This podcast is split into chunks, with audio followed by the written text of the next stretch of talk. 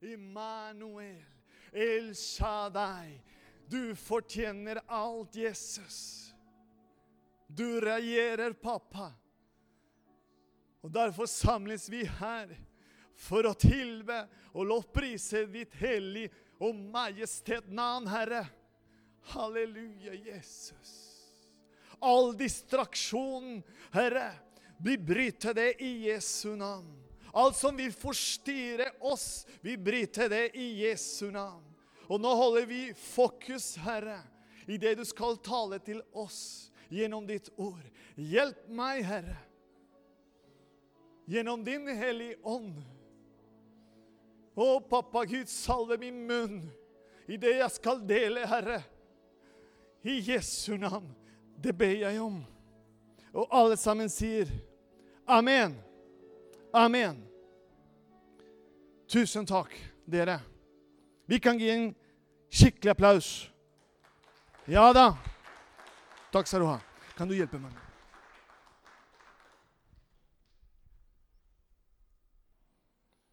Jeg vet ikke du, men det å være her og få mulighet til å lovprise Han helt fri, uten noen bekymring At du kan bare løfte ditt stemme til Han, det er stort. Det er stort. Kjære Jesus, hjelp meg. Nå som dere vet, de fleste Hvis du har ikke fått med deg så Vi har vært både i bønn og faste hele uka. Men nå jeg kikker på Emily Emily, kan du reise deg opp? Emily sang på første gang her, er det ikke det? Jeg tror det. Eller ja. Men det er, det er som offisielt også. Det er så fantastisk å se deg her. Det er, det er virkelig fra meg. Jeg vet ikke dere, men jeg kjenner i mitt hjerte at når jeg ser ungdommene som tørrer å komme fram og lovprise ham, det er helt rått. Fantastisk. Veldig bra. Det er flott. Det inspirerer meg, egentlig. Ja, det er helt fantastisk. Som sagt, vi, i dag avslutter vi både den uke, bønn og faste. Jeg vet ikke du, men jeg har hatt en veldig spesielt uke. Eh, hvorfor spesielt, Fernando? Kanskje du spør deg sjøl. Men spesielt pga. vi fikk mulighet til å samles hver dag her. Fra mandag til lørdag var vi her på forskjellige tidspunkt. Samles vi her og ba sammen. Og tilba vi sammen til vår Herre. Og fikk opplevelse at Gud talte tydelig på forskjellige måter til mitt liv i de samlinger jeg var med. Ja, det, og det er sånne type muligheter du får, og jeg får, i løpet av et år når vi samles her i sånne type uker. Det er fantastisk at det kom fram budskapet, profetier. Vi ba, vi takka. Vi takker Gud for alt det han, han gjorde i den perioden nå, selv om omstendigheter sier det motsatt. Og det er noe med perspektivet å gjøre. Så anbefaler dere, hvis dere har ikke gjort det før, det å faste eller be til Gud med både faste altså det å, det å søke Han som de heltene, de personer, mennesker som er her i Bibelen, gjorde. Det gjør noe i ditt liv. Så jeg skal ikke strekke meg lenger på det, men, men det er på en måte den hjertesukk som jeg har, som jeg vil dele med dere. Hvis vi åpner Bibelen i Matteus 6 Det kommer en bilde nå, så vi skal eh, synkronisere eh, sammen med Peie. Ja, men så bra. Juan Carlos er der. Se der, Det er en annen ungdom som sitter der og styrer. Det er fantastisk. Det gleder mitt hjerte også. Det er fantastisk. Det er bra. Der.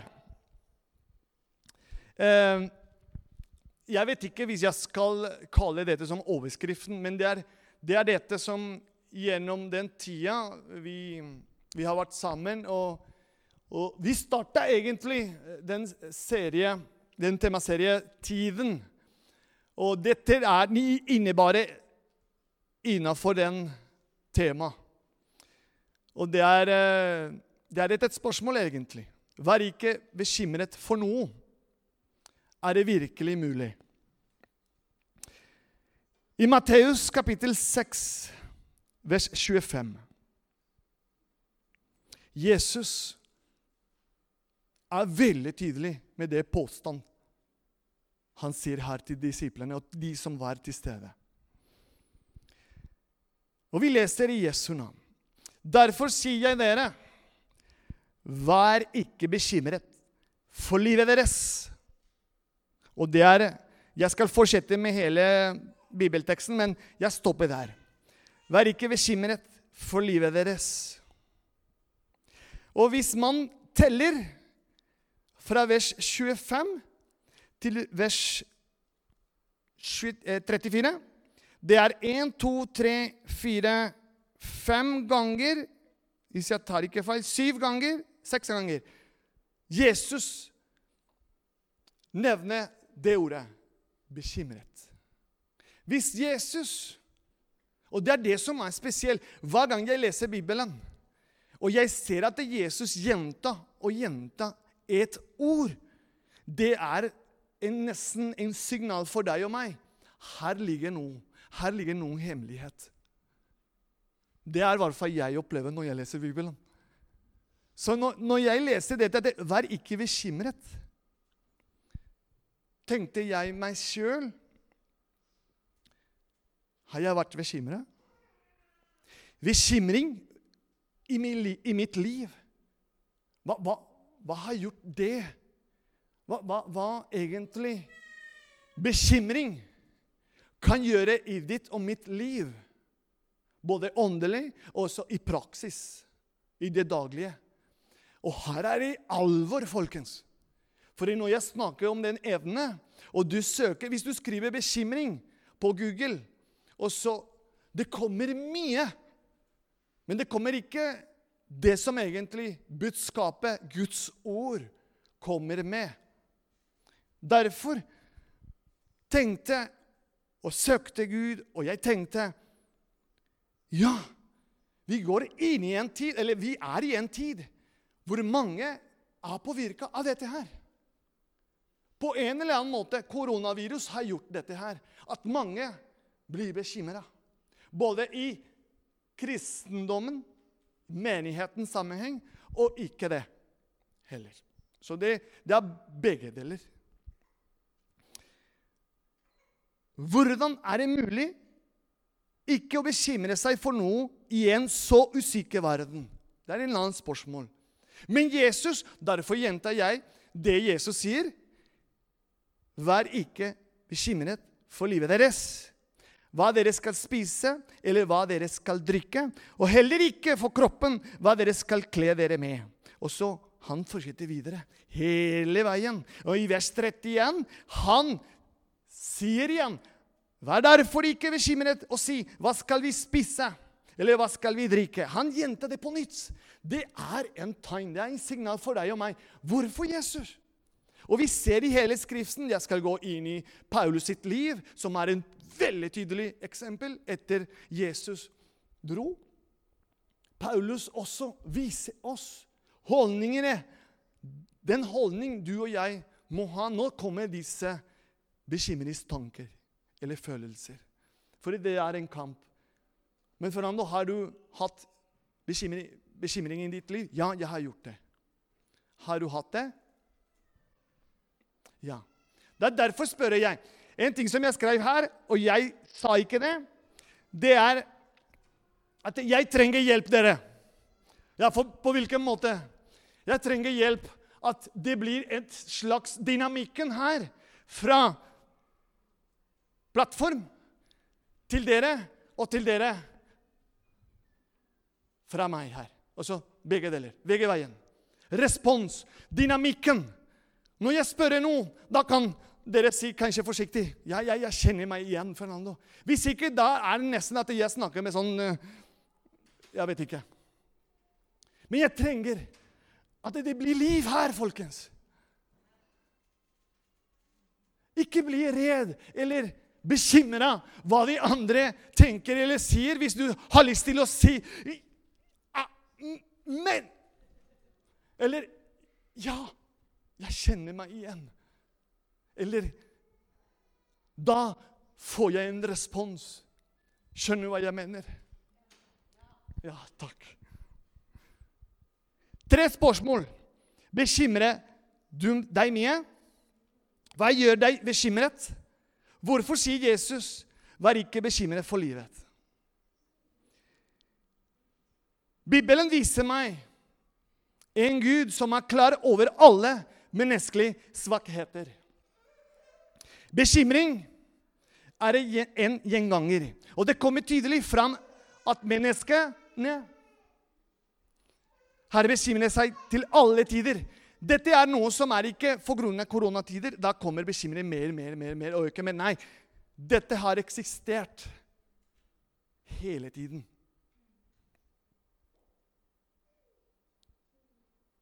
Nå er jeg direkte og konkret. Har du hatt bekymring i ditt liv? Ja, hele salen. Så da snakker jeg til de riktige personer. Det er veldig, veldig lett og enkelt å få seg et maske. Hvordan går det med deg, Fernando? Det går kjempebra. Men det gjør ikke det. Jeg er kjempebekymret. Hvorfor det? Hvorfor gjør vi det? Nå snakker jeg om menighetssammenheng. Vi prøver å vise noe, at vi, vi er mer åndelige enn andre. Det virker ikke sånn i Guds rike.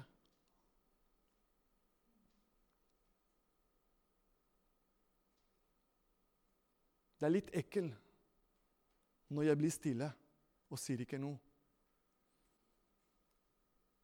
Og det, det er opptakt. Da får de som også hører på, på nettsida, tenke litt.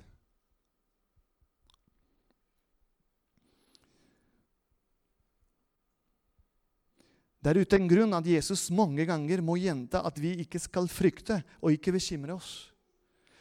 I denne kapittel, kapittel 6, ser vi mange ting. Fader vår. Det å samle skatter i himmelen. Jesus nevner i vers 16 og når dere faster. Hvorfor Jesus sier 'og når dere faster'? Det betyr at vi skal gjøre det. Hvis ikke han har ikke nevnt det her. Kroppens lampe. Ingen kan tjene både Gud og mammon. Og da kommer 'vær ikke bekymret'. Jesus visste dette her, folkens.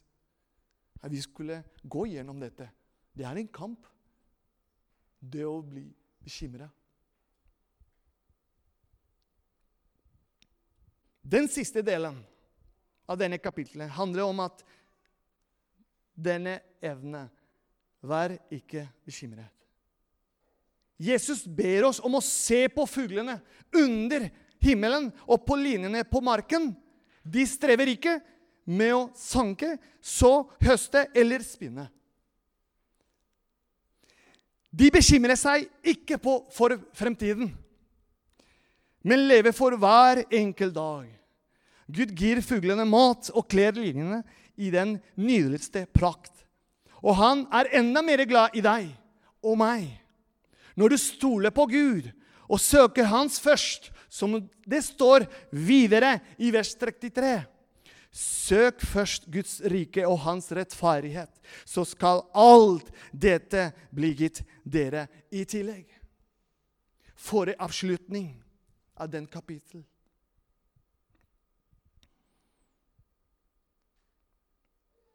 Jesus kommer med to veldig gode poenger her i denne teksten.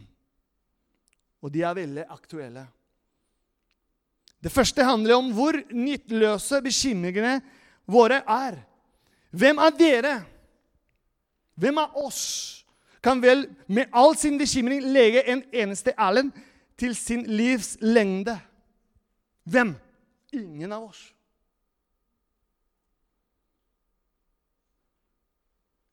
Vi kan dø i morgen.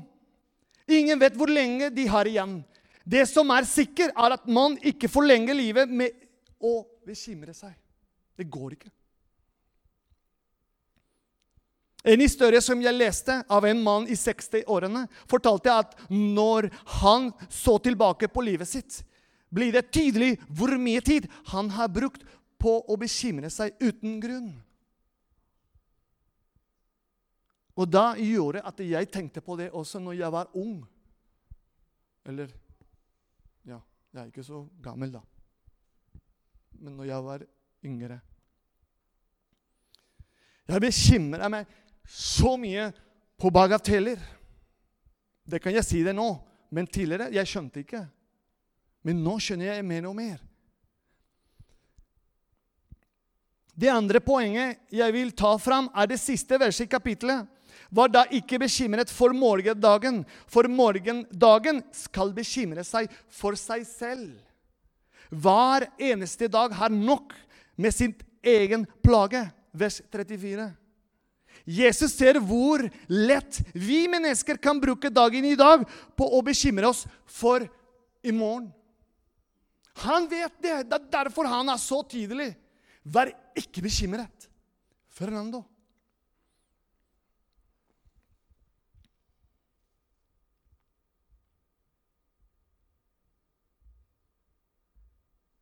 Som kristne, som troende, møter vi hverdagens bekymring som alle de andre. Jeg sier ikke at dere skal bare vandre og gå hver dag og så, 'Jeg bekymrer deg ikke. Jeg bekymrer deg ikke.' Jeg bekymrer. Det er ikke det jeg mener. Det er holdning. Når de tankene kommer, hva gjør vi da?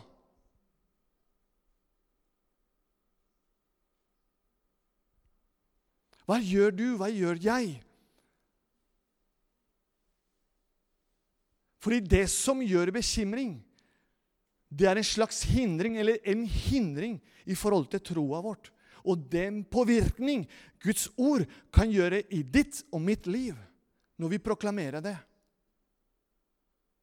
Det bryter barrierer når vi bestemmer oss å vandre og leve etter Guds prinsipper, Guds ord. Det bryter det. Men når vi er usikre, når vi er ikke den kobling med Guds ord, med himmelens proklamasjon som står her, som du har tilgjengelig, da blir noe annet. Da begynner vi å søke andre ting som vi kan prøve å få litt ro, men ikke fred.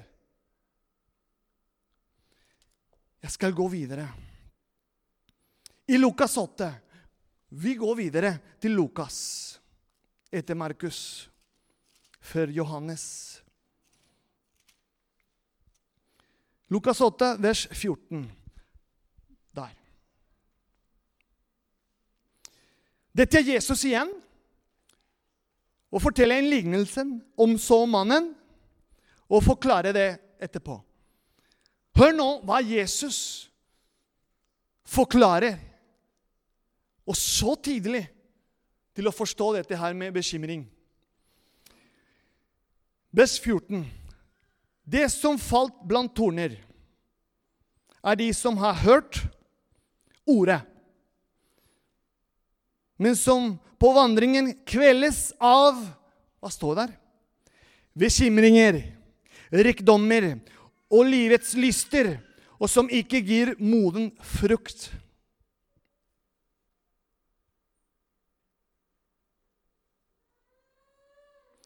Det som falt blant tornebusker, er de som nok hører ordet. Du og jeg kan høre ordet her. Følg med. Følg med. Vi hører Guds ord her. Da kommer Da kommer hjelp til mamma. Det er bra. det er bra. Sånn, ja. Flott. Du og jeg hører Guds ord nå. Men det kan skje, dette som Jesus forklarer her. Det som falt blant tørnebusker, er de som nok hører ordet, men på sin vei gjennom livets kvelder de er bekymringer og rikdom og nytelser, så de ikke bærer fullmoden frukt. Det står om de som hører ordet. Men bekymringen kveler ordet. Det bærer altså ikke den frukten det var ment å bære. Og ordet blir vel til ingen nytte for dem. Betyr det at bekymringene våre kan være en av våre verste fiender? Hindre oss fra å ta imot Guds ord. Det er mange som sier ja, halleluja, amen. Og så, men samtidig, når de går gjennom den døra, bekymring kommer fra det indre og kveler hele budskapet du har fått fra Herren. Og der er det gjort. Derfor vi må ta på alvor når vi kommer sammen, eller når du er hjemme i din privatrom og lese Guds ord. Tro dette som Gud taler til deg og meg.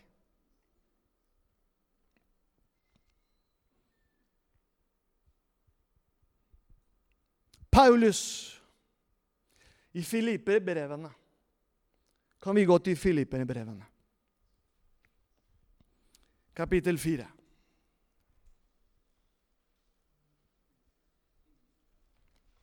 Kapittel 4.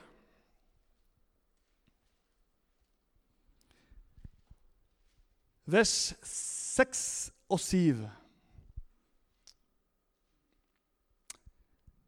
Før vi skal lese det Filippe-brevet det er et brev fra Paulus til menigheten i Filippi, i Makedonia. Den første menighet han grunnla i Europa, folkens. Hvis dere visste ikke det. Nå vet dere det. Og ifølge Apostlenes gjerninger, kapittel 16. Det finner dere der. Paulus sitter i fengsel når han skriver dette brevet. Følg med nå på perspektivet til Paulus. Han sitter i fengsel. Dette er fascinerende det dere, det, det dere skal høre nå. Han sitter i fengsel, sannsynligvis i storbyen Roma. Her, her, her har han fått besøk av Epafrodritos fra den greske byen Filippi. Han har blitt sendt dit med en pengegave fra Filippen-menighetene. I fengselet skriver Paulus et brev han sender med Epafroditos tilbake til Filippi. Paulus vil takke for pengegaven og benytte samtidig muligheten til å oppmuntre og styrke menigheten. Tenk deg litt. Han sitter i fengsel. Det er ikke bare bare å sitte i fengsel på den tida. Men likevel, han sitter i fengsel og sender en brev for å oppmuntre. Og med glede. For han skriver i kapittel 4, i vers 4.: Gled dere i Herren Alltid. Det er ikke sånn 'Gled dere i Herren, og dere får velsignelsen'. Det står ikke sånn, i hvert fall i min bibel. Gled dere i Herren alltid. Igjen vil jeg si Det er som mamma Jeg hører som mamma Har ikke jeg sagt til deg, Fernando? Gjør det en gang til. Gjør. Det er Paulus som nesten på samme måte. Gled dere i Herren alltid. Igjen vil jeg si gled dere. Jeg vet at Gud taler tydelig til oss i kveld. Men dette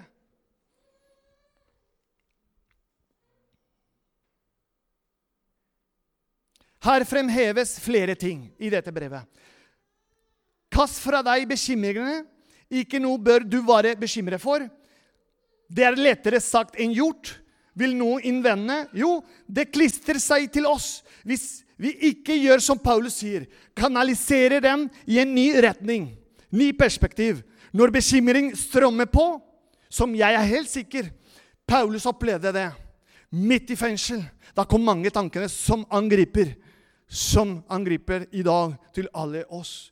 Men han har en helt annen perspektiv. Han har den himmelsk perspektiv. Det som Den hellige ånds hjelper oss, og hjelper han til å skrive dette.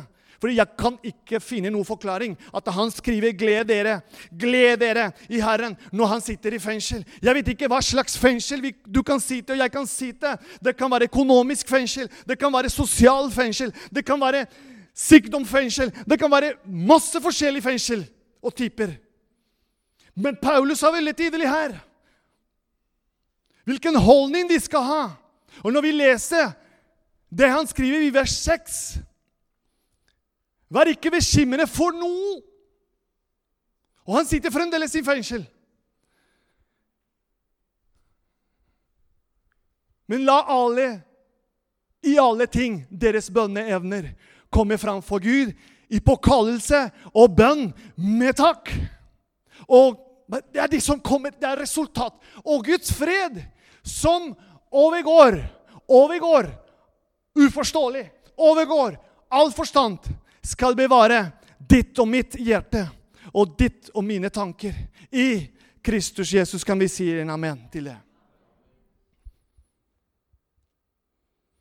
Vær ikke bekymret for noe, men la i alle ting deres bønneevner komme fram for Gud.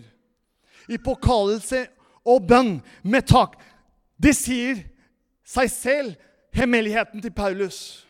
Når tankene kommer bønn. Koble seg inn med himmelen. Takke deg, Herre. Jeg forstår ikke den omstendigheter.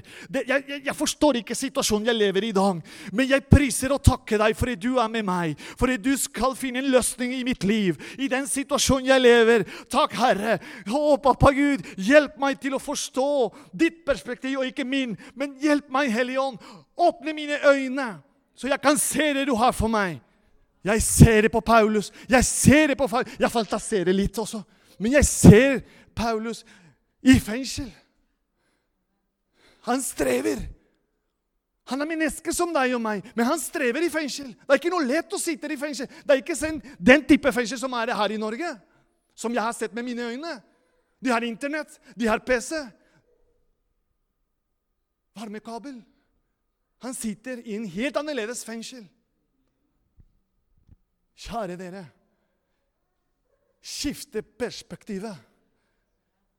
Da skifter hele måten å leve på når bekymringen kommer og angriper. For jeg sier ikke når du på en måte ber, bekymringen skal forsvinne. Det kommer tilbake, for det står i Bibelen.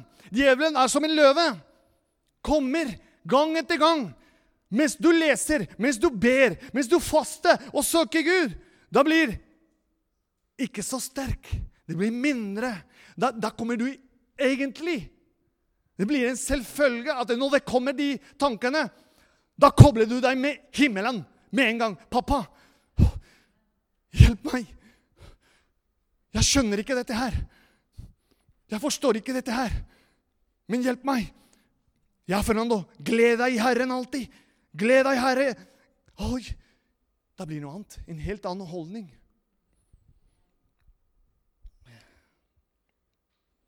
Jesus sa i Johannes 16, 33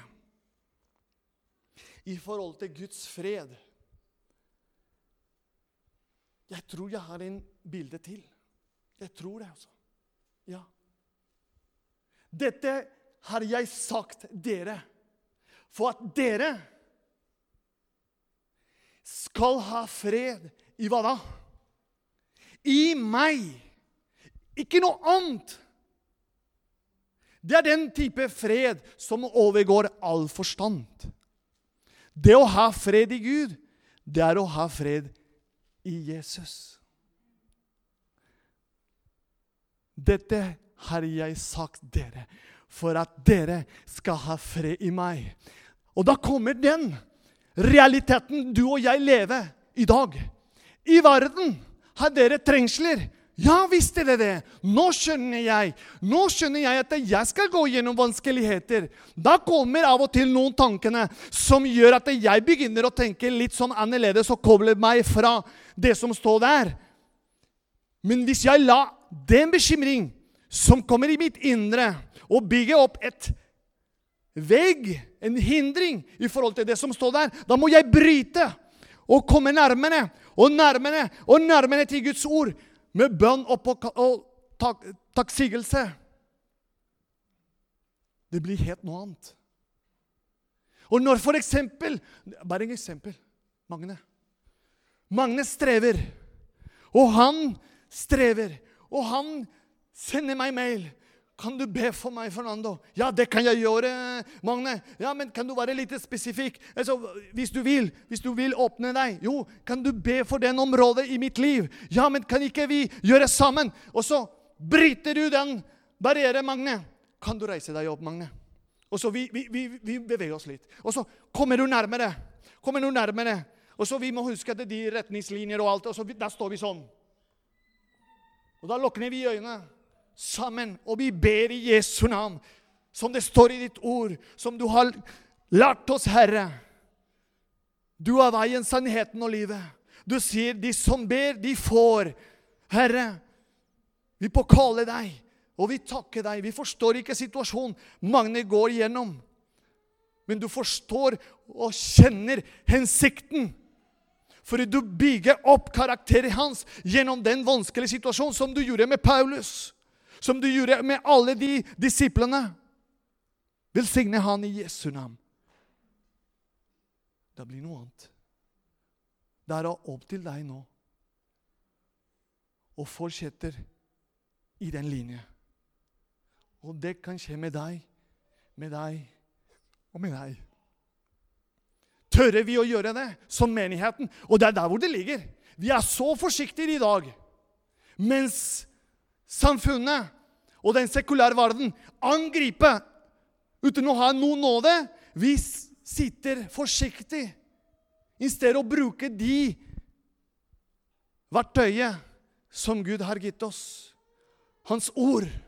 Muligheter til å koble oss med himmelen gjennom bønn. Vi har tilgang til de løftene som ligger der, som er mer enn 3000. Kjære dere, det er opp til deg og meg. Jeg, jeg, vil ikke si det, men, og jeg vet at det, det, høres litt sånn streng og radikal, men jeg må si det. Vi må skjerpe oss. Beklager jeg sier det på den måten. Men det er det eneste ord jeg finner på mitt språk som vi må nesten reise oss. Ikke vår egen styrke, men la Den hellige ånd virke i deg. Og da kommer ut potensialet som ligger i deg og meg. Gavene, talenter, kommer ut. Emilie, det er det som du gjør, Emilie. Og Emilie og resten som er her. Ta det skrittet. Magne, tusen takk. Hei. Her. Sånn. Det Ja, bra.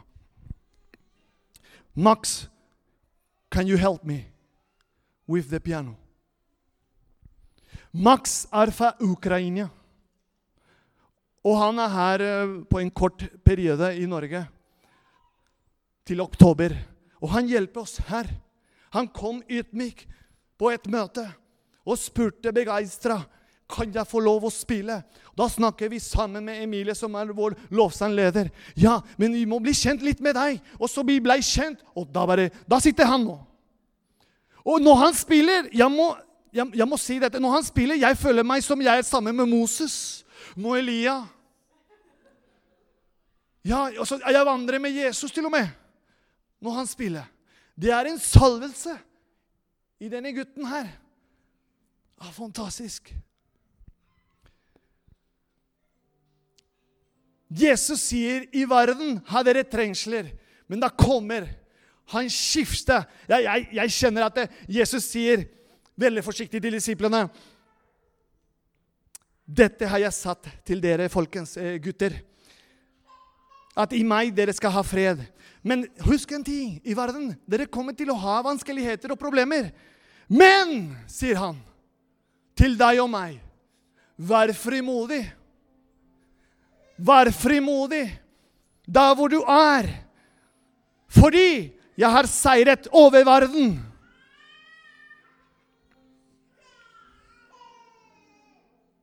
Kjære Jesus. Takk, Herre.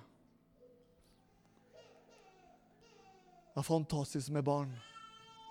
Det går fint. Det går fint. Det går fint, det går fint.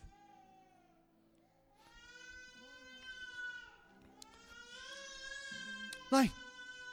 Vent, vent, vent. vent. Det går fint. Vil du komme med meg?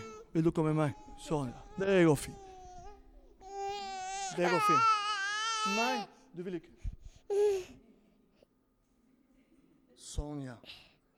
Du vil snakke. Det går fint. Herren er god. Hæ? Jesus er god. Jesus.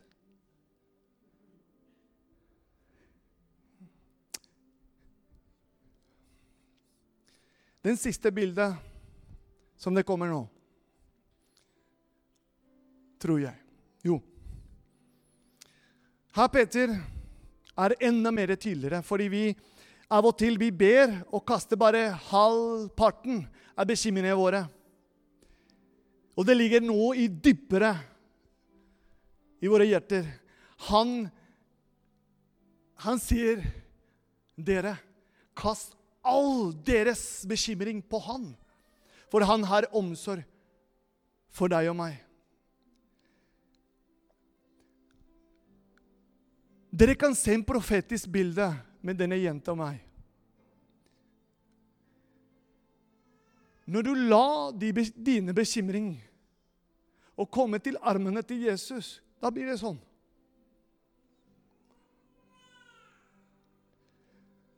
Da roer seg alt ned. Og den fred som overgår all forstand, det kommer i ditt indre og river deg ned, all bekymring.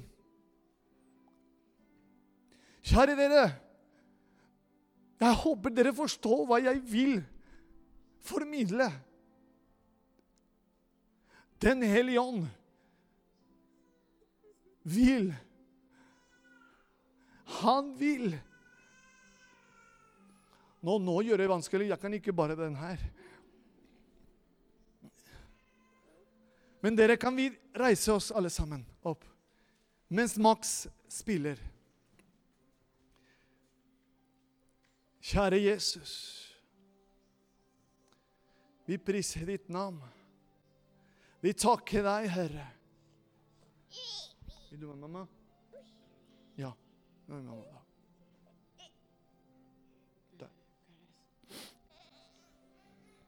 Takk, Jesus, for din trofasthet. Takk, Herre. Å, Jesus. Å, Jesus. Vi priser deg. Vi ærer deg. Å, pappa. Kom, Helion, Kong Ånd. Og hjelpe oss med din visdom, Herre. Takk, Jesus.